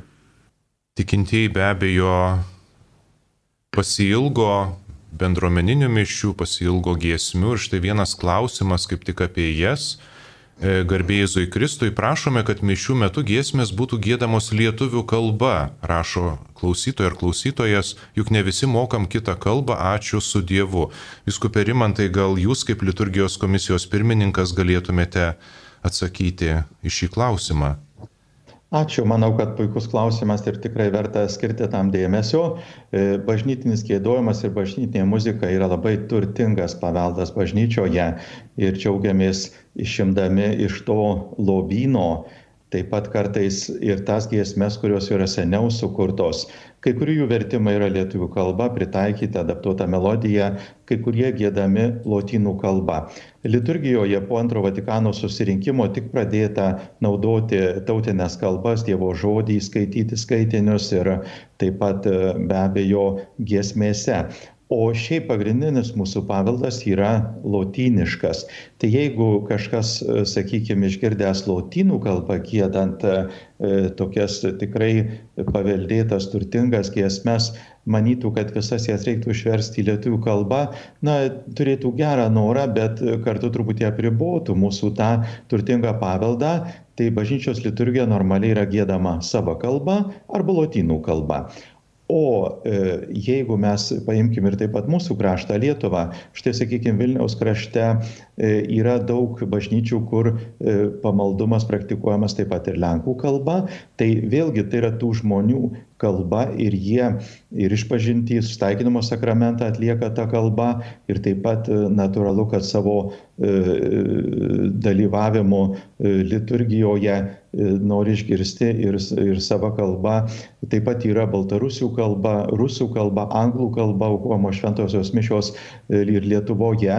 Ir tomis kalbomis, jeigu būtų gėdama tose, tose mišiose ne tik lietuvių kalba, tai atrodo tikrai nebūtų kažkokio nei prasižengimo, nei kažkokio nekorektiškumo. Tačiau, kai pamaldos aukojamos lietuvių kalba, man atrodo, kad daugumoje, kiek aš dalyvauju liturgijoje, gėdama lietuvių kalba.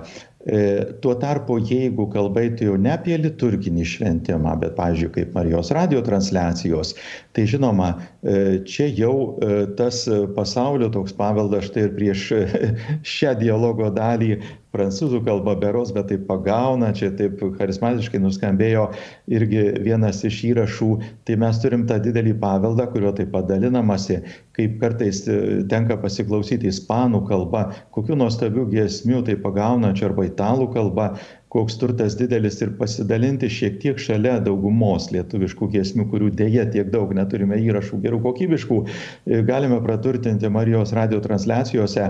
Na, manau, kad tai nenuskurdina, bet, bet praturtina. Bet tikrai gerbtinas ir malonus tas užklausimas ir e, liturgijoje dar pasikartosiu, lietuvių lotynų kalba yra įprastas normalus dalykas, o e, savo gimtają kalbą taip pat kiti gali, gali taip pat girdėti giesmes, tai nėra kažkoks prasižengimas, o jeigu jau šalia liturgijos yra ir kita kalba giesmės, arba net kokie svečiai atvykę iš Italijos gėda, tai tiesiog priimkim kaip irgi tokį pasidalymą tuo gėriu, kokį jie turi. Ačiū.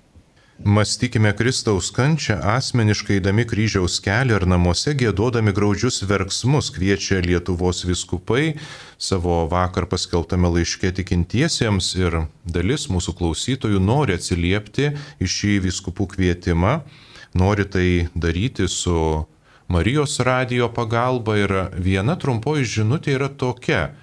Galbūt e, taip pat paprašysime viskupo Rimanto ją atsakyti Jis skamba taip, garbėjai Kristui pernai graudžius verksmus transliavo apie šeštą ryto, kada dar nemažai žmonių, ypač jaunimo, kurie net nežino apie graudžius, graudžius verksmus, dar nėra taip anksti atsikėlę. Ar nebūtų galimybės graudžius verksmus transliuoti pavakarį ar po pietų, kad vaikai ir jaunimas bus sugrįžę iš pamokų dėkojame. Graudus verksmai ir gavėnė ekscelencija, kokią vietą tai užima ir kaip žmonės galėtų įgyvendinti šį viskupų kvietimą. Mhm. Na, galim kreiptis į Marijos radiją ir paprašyti kokios jų galimybės, kad e, surastų ir kitą laiką. E, šiaip e, graudus verksmai čia prie to mūsų liaudiško gėdojimo ir, kaip, pavyzdžiui, kantičkinės giesmės ir atrodo labai seni kūriniai, bet jie pagauna kiekvieno žmogaus sielą, ją sujaudina, sujudina, taip labai prasmingi tekstai, kaip ir žemaičių kalvarijos gėdojimai tai iš tikrųjų tas mūsų nuostabus paveldas mūsų krašte, e, kuriuo reikia dalintis. Prašykime Marijos radiją, kad surastų ir galimybę kitų laikų, ypač kai yra šis pandemijos laikas gavėnios metu, e, paskleisti tą e, gėdojimą plačiau, kad pasiektų įvairius namus. Na, o dabar e, asmeniškai yra šeimų, kur e, su muzikinė klausa ir gebėjimais ir išsilavinimu muzikinio yra visa eilė, gal jie galėtų taip pat parodyti gerą iniciatyvą ir padaryti, pavyzdžiui, kokią nors, dabar visi mokiniai išmoko naudoti Zoom programą, e, jos dėka, sakykime, kokį graudžių verksmų gėdojimo tokį kas e, savaitinį ciklą ir pakviesti jungtis, kurie nori. 45 e, minutės būtų nemokamos tą programą, nereiktų net išsipirkti.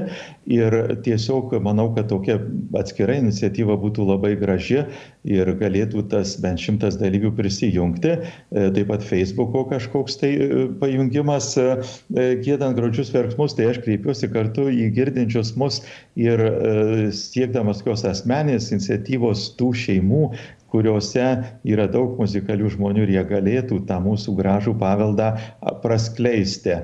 Taip pat, kadangi yra nepaprastas turtas Žemaičių kalvarijos kalnai, taip pat kreipiuosi į Žemaičius ir jūs, mėlyjei, patransliuokite savo tą turtą, tuos lobius, kuriuos turite. Ačiū. Gavėnios metu ne tik tai gėdame namuose e, ar kitur e, bendromeniškai graudžius verksmus, bet melžiamės ir rožinį tradicinę E, Lietuvoje pamėgtą ir visame pasaulyje Marijos pagarbinimo maldą. Ir norėčiau arkiviskupo Gintaro paklausti mūsų skaitytoj, mūsų klausytoj ar klausytojas atsiuntė žinutę garbėzui Kristui, kaip nepasiduoti greitam skubotam rožinio kalbėjimui, neskaitau L įdomią, supras tikriausiai labai įdomią knygą, ar tuoj per televiziją vyks mano laida. Ačiū.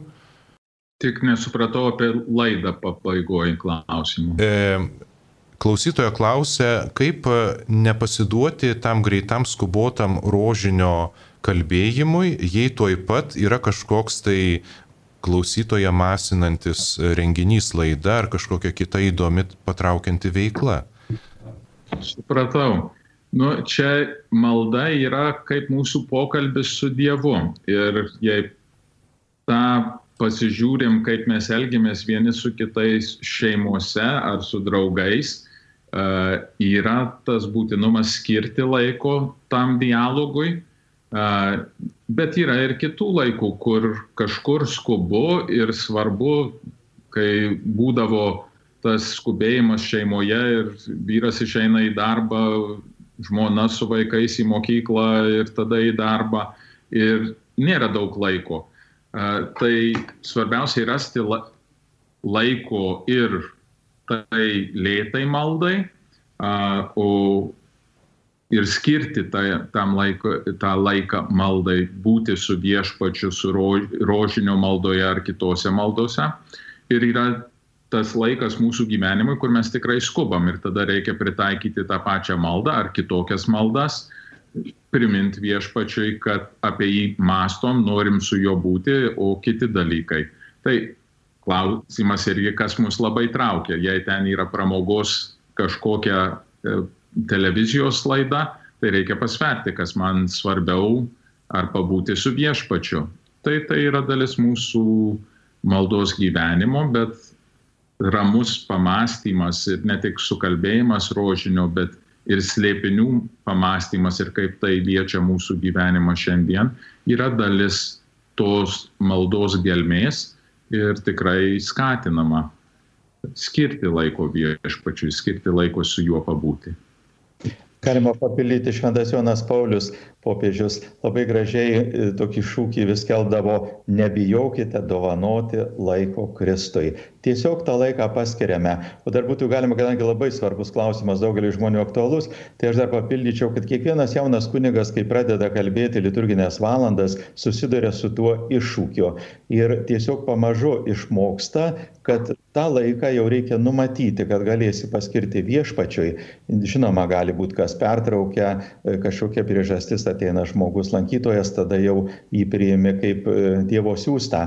Bet šiuo atveju tiesiog numatom laiką, paskiriam neskubom. Jeigu tai yra rožinio malda, galima tiesiog vieną paslaptį e, ar dvi sumažinti, sutrumpinti, vietoj to, kad skubotai atlikti visas penkias tos dalies. Dėkojame ekscelencijoms. Vakar kardinolas Šionbornas, Dominikonas, vienos arkivyskupas, kalbėdamas su žurnalistais ir apie savo gyvenimą, ir apie pandemiją, priminė, kad e, ši didžiulė visą pasaulį apglėbusi epidemija yra ne tik tai kančia, išbandymas, bet ir iššūkis ir taip pat proga, proga šventėti, galima išmokti dėkingumo, galima praktikuoti nuolankumo darybę. Labai daug progų tam sukelia pandemija. Šventumas per pandemiją ir ne tik. Apie tai yra kitas klausimas, e, kurį klausytojas klausė Vilkaviškio vyskupo Rimanto Norvilos garbė Jėzui Kristui. Norėčiau paklausti Vilkaviškio vyskupą. Ar kas daroma link to, kad kunigas Juozas Zdebskis būtų paskelbtas šventuoju, gedas šlavantai dėkui. Mhm. Na, ačiū už klausimą, pažįstu poną Gedą. tai maloniai sveikinu šią progą jūs ir jūsų šeimą. E, nesenai buvo 5 e, vasario sukaktis 30 metų nuo jo žūties. E, ir taip pat paprašėme mes vietinės televizijos, sukūrėme pusvalandžio laidą, kuri kaip tik rytoj per Marijampolės televiziją pirmą kartą bus rodoma e, po pietų 14 val. E, galima ir internete matyti šią laidą, kviečiame pasižiūrėti. Tiesiog palaikomas tas pamaldumas yra kasmetiniai minėjimai e, Rudaminoje, kuris kunigas Juozas Debskis palaidotas, yra ta versija dažnai primenama, kad tikriausiai tai galėjo būti na, e, tuometinės e, valdžios suorganizuotas e, nužudymas, to negalime atmesti, bet tam taip pat neturime pakankamai įrodymų. Ir turėtų ateiti laikas, kai būtų vykdoma ekshumacija ir nustatyta, ar yra kokiu nors ženklų duodančių įrodymų dėl nužudimo. E, bet e, šiuo atveju tai negali būti skubotai daroma, kultas yra palaikomas, o e, daug žmonių meldžiasi, daugelis jį prisimena, tikrai tokio išskirtinio žmogaus, išskirtinės asmenybės kartu dvasininko ta atmintis neišnykusi, tai matyt yra toks ilgesnio laiko reikalaujantis dar momentas, tiesiog etapas, kai, kai mes galėsime turėti kažkiek daugiau aiškumo dėl tos mirties priežasties. Kitas klausimas galbūt būtų abiems Lietuvos viskupų konferencijos vadovams. Garbėjai Kristui, Lietuvoje dar daug tikinčiųjų nesinaudojančių internetu. Gal galėtumėte sukonkretinti, kurios bažnyčios lieka uždarytos? Tai pirmasis klausimas. Ir antrasis, tikriausiai klausytojas ar klausytojas yra iš kaimiškos vietovės. Ar viskupų taryba rūpinasi mažų provincijos parapijų kunigų išgyvenimu pandemijos laikotarpiu? Ačiū. Tai čia aš gal pradėsiu, kad e, bažnyčios, kurios lieka uždarytos šiuo metu, e, yra tos bažnyčios, kur yra trijose savivaldybėse. Tai yra Rokiškio rajono savivaldybei, Visagino savivaldybei ir Biržų rajono savivaldybei visos kitos vienaip ar kitaip atsidaromos. Sakau vienaip ar kitaip, nes tai priklauso, kiek žmonių galės dalyvauti visose mišiuose. Tai čia nuo pelenų e, trečiadienio. E, ir turbūt paprasčiausias būdas, nesinaudojant interneto, tai yra e, paskambinti į parapiją, paskambinti klebonui ar paprašyti, kad kas nors kitas, e, kur yra šalia ar pažįstama, galėtų paskambinti ir pasitikslinti savo parapijoje, ar bus mišios ir kada bus mišios ir jei yra ribotas skaičius žmonių, kur galės dalyvauti, kaip jie bus atrenkami. Tai tikrai dėl to tai pasi, paraginčiau pasi, pasidomėti. Dėl išlaikymo galėčiau tada gal aš sureaguoti. Šiaip stengiamės palaikyti pandemijos metu, kai jau turim tą pilną karantiną ryšį daugiausia telefonu su parapijose ir taip pat kaimiškos ir mažose vietovėse gyvenančiais kunigais. Ir visada paklausiu ir aš asmeniškai daugumai skambinu, kaip ta situacija E, daugumoje padeda išgyventi, nes žmonės užsako šventasias mišes arba e, pervedimu, arba pasiskambina dar prieš tai telefonu aptarė galimybę, kaip perduoti auką ir kartais net tiesiog į pašto dėžutę sutarė įdėti voką ir ilgai nelaukęs ten klebonas paima, kad kas nors nenuneštų. E, tai tiesiog parapiečių yra kartu irgi rūpestis išlaikyti savo parapijos kunigus, kiek galimybės leidžia iš viskupijos taip pat e, bandome surasti šventų mišių intencijų ir e, tuo būdu paremti kunigus, tikrai nėra nei vieno badaujančio. Dar galiu pasidalinti porą tokių pavyzdžių lietuvių kunigų vienybė Junktinėse Amerikos valstijose nesenai taip pat paramai tam tikrą sumą pervedė atskiroms vyskupijoms kad šventasias mišes E, jų numatyta intencija kunigai galėtų aukoti iš to ir gyvena. Už tai, pavyzdžiui, Dzukijoje, kur žmonės tokios tikrai atviros širdies daugiausiai gyvena, tai vienoje net aptarnaujimo parapijoje, kur kunigas tik atvažiuoja, e, bendruomenė tie valiausi katalikai savo tarpę tiesiog ten e, pasidalindami tokią nedidelę auką surinko kartu ir perdavė kunigui, sako, gal, ką žinai, šalčiai, gal kunigas neturi kuo pasišildyti ar pavalgyti, tai toks ir gražus gestas, kuris gali atsikartoti ir daugelį kitų parapijų. Viskupijoje taip pat mes turime išlaikyti ir dirbančiuosius, ne vieno stengiamės net leisti, reikia išmokėti atlyginimus ir taip toliau, tai tie resursai irgi nėra labai dideli, bet kuo galime stengiamės talentis. Dėkoju. Kitas klausimas yra tikriausiai, net ir pats galėsiu jį atsakyti, bet ekscelencijos galbūt galėsit pridurti. Jisai skiriamas E, reiškia, klausė mūsų skaitytojas, e, atsiprašau, klausytojas Petras, labai neramu dėl vykdomos gyventojų apklausos. Senesni žmonės negali internete užsirašyti katalikais ir toks surašymas parodys mažesnį katalikų procentą. Ir ką į tai būtų galima atsakyti? Tai gerbiamas ponė Petrai, iš tiesų pasibaigus už kelių dienų tam internetiniam surašymui e, vykdomam statistikos departamento dar 40 tūkstančių žmonių e, bus apklausti savo namuose arba telefonu. Tai labai svarbu sulaukti šitos akimirkos ir tada tikrai E, atsakyti į telefono skambučius, kai skambins iš statistikos departamento ar tiesiog e, kai ateis su visais ženkliukais ir tikrai save identifikuoti galintis gyventojų apklausėjas, kurie šiuo metu yra samdomi statistikos departamento ir e, tie 40 tūkstančių žmonių, kurie bus apklausti, labai stipriai E, pakoreguos ar labai stipriai prisidės prie to galutinio procento, kurį matysime kaip apklausos rezultatą. Tad labai yra svarbu ne tik internetinė apklausa, ne tik ten ir tikrai ne visi žmonės turi internetą, gali užsirašyti ir žino kaip, bet labai svarbu yra ten e, sudalyvauti, atsiliepti, jeigu jūs, gerbiamas ponė Petrai, pakliūsite į tos 40 tūkstančių, kuriems statistikos departamentas skambins ar kur ateisi namus apklausti. Nebijokime liūdyti savo tikėjimą, papildyčiau, jeigu viešpaties neišsižadėsime, tai ir jis mūsų neišsižadės. Tikrai svarbus momentas, paraginkit savo artimuosius, giminės, draugus, pažįstamus, tie, kurie naudos internetu, kol dar yra galimybė, kad e, sudalyvautų šioje apklausoje ir būtinai paliūdytų savo tikėjimą, o liūdyti tikėjimą visada yra džiaugsmas. Aš dar pridėčiau, jei ponas Petras ar kiti, kur neturi prieimimo tiesioginio prie interneto, jei jie turi giminaičių, draugų, kur turi, jie gali jiems padėti ir įvesti tuos. Ir ten atsakymas yra keturių klausimų, tikrai ilgai ne, neužima laiko. Ir uh, ten nereikia uh, kažkokių specialių gebėjimų, uh, bet jei kas nors, kur moka naudoti kompiuteriu, padėtų, tai manau, kad ir, ir ponas Petras galėtų tą išpildyti su kažkieno artimo žmogaus pagalba.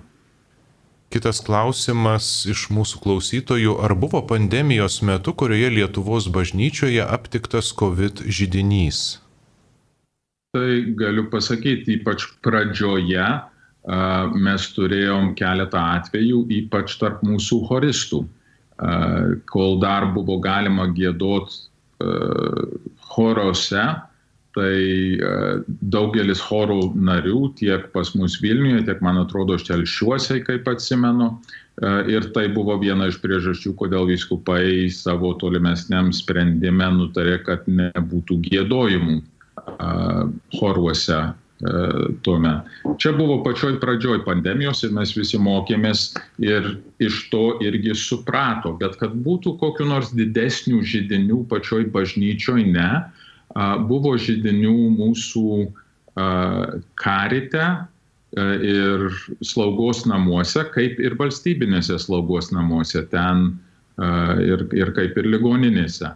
Ten yra ta vieta, kur yra ir pažeidžiami asmenys dėl savo sveikatos ir jie yra visi kartu. Ir tais atvejais dirbome su sveikatos apsaugos sistemos darbuotojais, kad užtikrinti kad neplistų, kad sustabdytumėm plitimą ir kad padėtumėm tiem žmonėm. Tai pačioj bažnyčioj buvo reti atvejai, bet jų buvo. Um, o kur buvo didesni atvejai, tai ten tose, e, e, kur bendrai gyvena žmonės arba kur kaip karitas aptarnauja e, stokojančius. Turime ir padėkų iš mūsų klausytojų ir viena žinutė yra padėka klausimas, tikriausiai arkivyskupui Gintarui. E, galima adresuoti ją. Sveiki, ačiū Jums už prasmingą laidą. Kaip galėčiau atsakyti giminėms gyvenantiems New York'e ir norintiems klausytis Marijos radijos? Su gilia pagarba, pagarba ir dėkingumu liuda? Taip, Marijos radiją galima klausytis Amerikoje per internetą. Lengviausias būdas tai, kaip sakoma, paguglinti, įdėti į paiešką Marijos radiją Lietuva. Ir ten jie galės paspausti ir iš to kaip ir klausytis.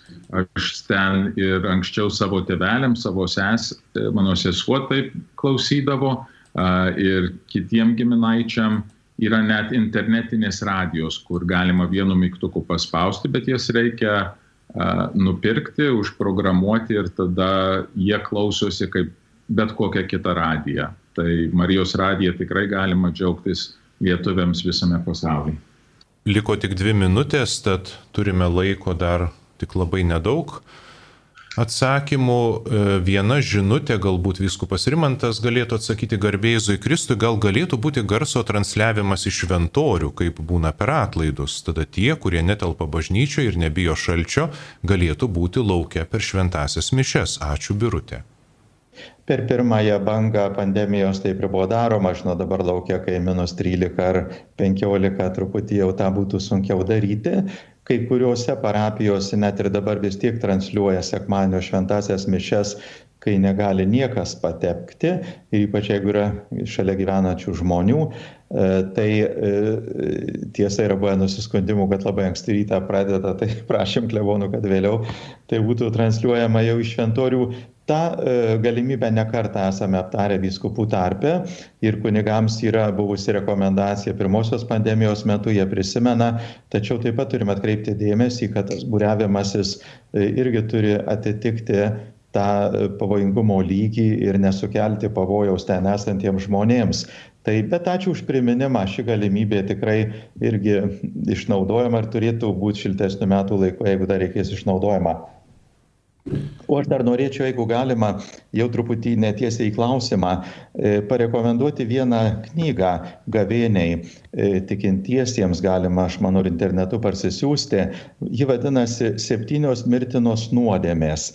Autorius yra Kevin Vost, amerikietis nuostabiai parašyta ir sudėtingi dalykai paprastai nusakomi ir kartu nusakoma visa bažnyčios tokia raida, suprantant tas septynias didžiasias, kaip mes vadiname, nuodėmes.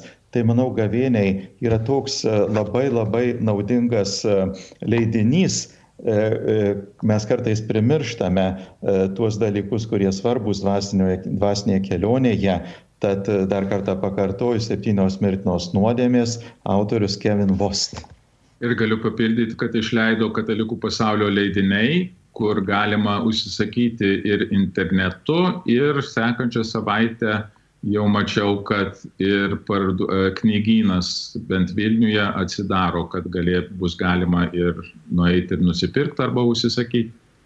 Dėkojame, mėly Marijos radio klausytojai, už atsiųstus klausimus, žinutės, skambučius.